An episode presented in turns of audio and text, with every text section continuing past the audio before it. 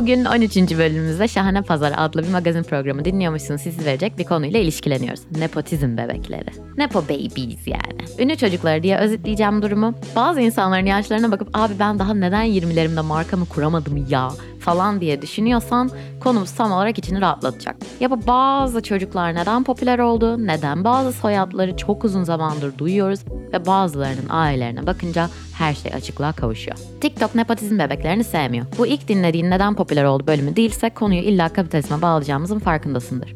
O yüzden TikTok'a hak veriyoruz ve bölüm boyunca da bunu açıklıyoruz zaten. Nepotizm ve bebekleri kelimeleri ilk başta sempatik durabilir. Çünkü insanlar bebekleri genelde sempatik buluyor. Ben bulmuyorum eğer hayvan bebeği değilse. Ama ne bu nepotizm bebekliği? Hemen bir özet gelsin. Belli bir kapitale sahip ailelerin standart birine göre hayatta daha kolay fırsatlara ulaşabilmesi ve kreatif dileklerini daha kolay gerçekleştirmesi. Diyelim yani.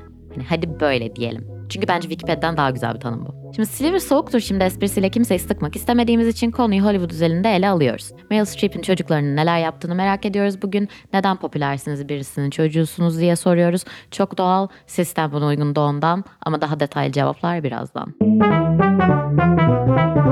Şimdi nepotizm nedir?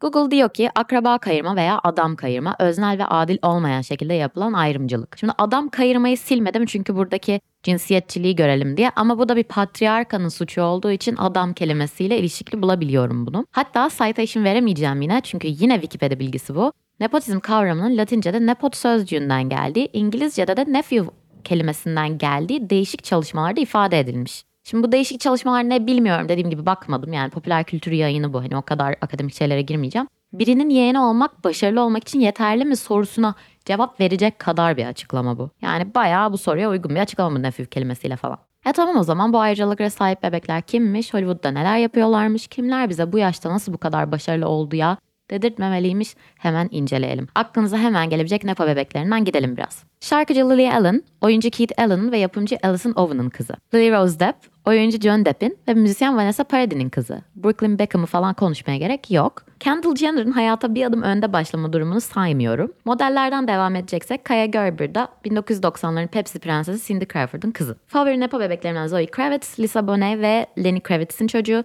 Stranger Things'e tekrar yükselmemi sağlayan ve hayallerimi süsleyen Maya Hawke da Uma Thurman ve Ethan Hawke'ın bebeği. Aynı zamanda bu bebek olmakla kalmıyor hem de onların fiziksel özelliklerini almış. Yani neyse. Hep birinin kızlarından ilerlemiş gibi oldu ama mizojinist olduğumuzdan değil bu. Daha yetenekli kadınlardan örnek vermek daha eğlenceli geldi sadece.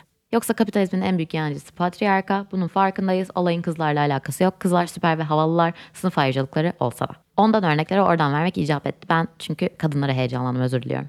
Şimdi burada iki tür nepotizm bebeğiyle karşılaşıyoruz. Ayrıcalıklarını farkında olanlar ve olmayanlar. Lily Allen mesela ebeveynlerinin çok yetenekli olduğunu ve bu yüzden başarılı olduğunu dile getirdiği cümleler kurmuş. Biz buna helal kız diyoruz. Bence şu an bütün internette konuşulan nepotizm bebekleri eleştirisi bütün eşitsizlikleri insanın yüzüne vurduğu için popüler. Şimdi nepotizm bebekleri kapitalizm sayesinde popülerler. Nepotizm bebekleri üzerine konuşmak da bu şahane sistemin sorunlarını ortaya çıkarttığı için popüler diye düşünüyorum. Korkunç bir sömürü çağında başka neyi popülerleştirmek gerekirdi? Bu soruyu başka bir günde konuşabiliriz ama bence iyi yapıyoruz bunu popülerleştirerek. Elbette burada her ünlü çocuğu başarılı olurdu o zaman gibi meselelere de gelebiliriz. Ama biraz dürüst olalım lütfen. Tabii ki bir başarı yakalayan kişinin bir özelliği vardır ama ayrıcalıklarımızı itiraf etmek bizi özgürleştirir. Birinin hem şahane yetenekleri olabilir hem de bu şahane yeteneklerini destekleyecek ailesi hem de bu şahane yeteneklerini kullanabileceği süper alanlar ve kocaman bir şans. İşte nepotizm bebekliği galiba tam olarak bu.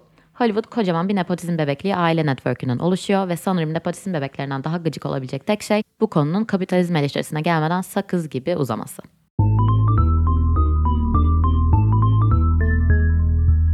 Şimdi, yine şimdi diye başladım konuya olsun. Konu nasıl her seferinde sistem eleştirisinden bağlanıyor diye sorabilirsiniz. Sanırım neden popüler oldu benim kendi Fight Club tribim olsun iyidir popüler kültür böyle şahane. Açıkçası nepotizm bebekleri muhabbetiyle çok eğleniyorum. İnsana şey demek iyi geliyor çünkü. Ay tamam bu kadar yetenekli olmamamın sebebi ailemin bu yeteneklere sahip olmamasıymış. Çok şükür. Arada da insanların IMDB profillerinde yapımcı isimlerine bakıp gıcık oluyorum. Ben de o network olsaydı neler neler yapardım diye hayal kuruyorum. Heyecanlanmam bu yüzden. İşte bugünün neden popüler cevabı tam olarak burada. Toplumumuz, sistemimiz ve gen aktarımı. Ben bir nepotizm bebeği değilim ama ilgi alanlarım konusunda iş yapabilmemi sağlayan ayrıcalıklarımın farkındayım. Bu hepimizi özgürleştirir diye düşünüyorum.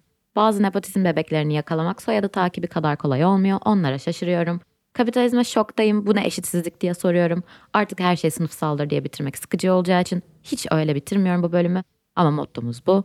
Nepotizm bebeklerinin daha fazla popülerleşmesi adına devrim çağrısını yineliyorum. Bir nepotizm bebeği olsaydım bunlar yerine aslında tanınan ebeveynlerin çocukları olmak o kadar da kolay değil falan deyip sizi gıcık edebilirdim. Ama etmiyorum ve 13. bölümü böyle bitiriyorum. Mm-hmm.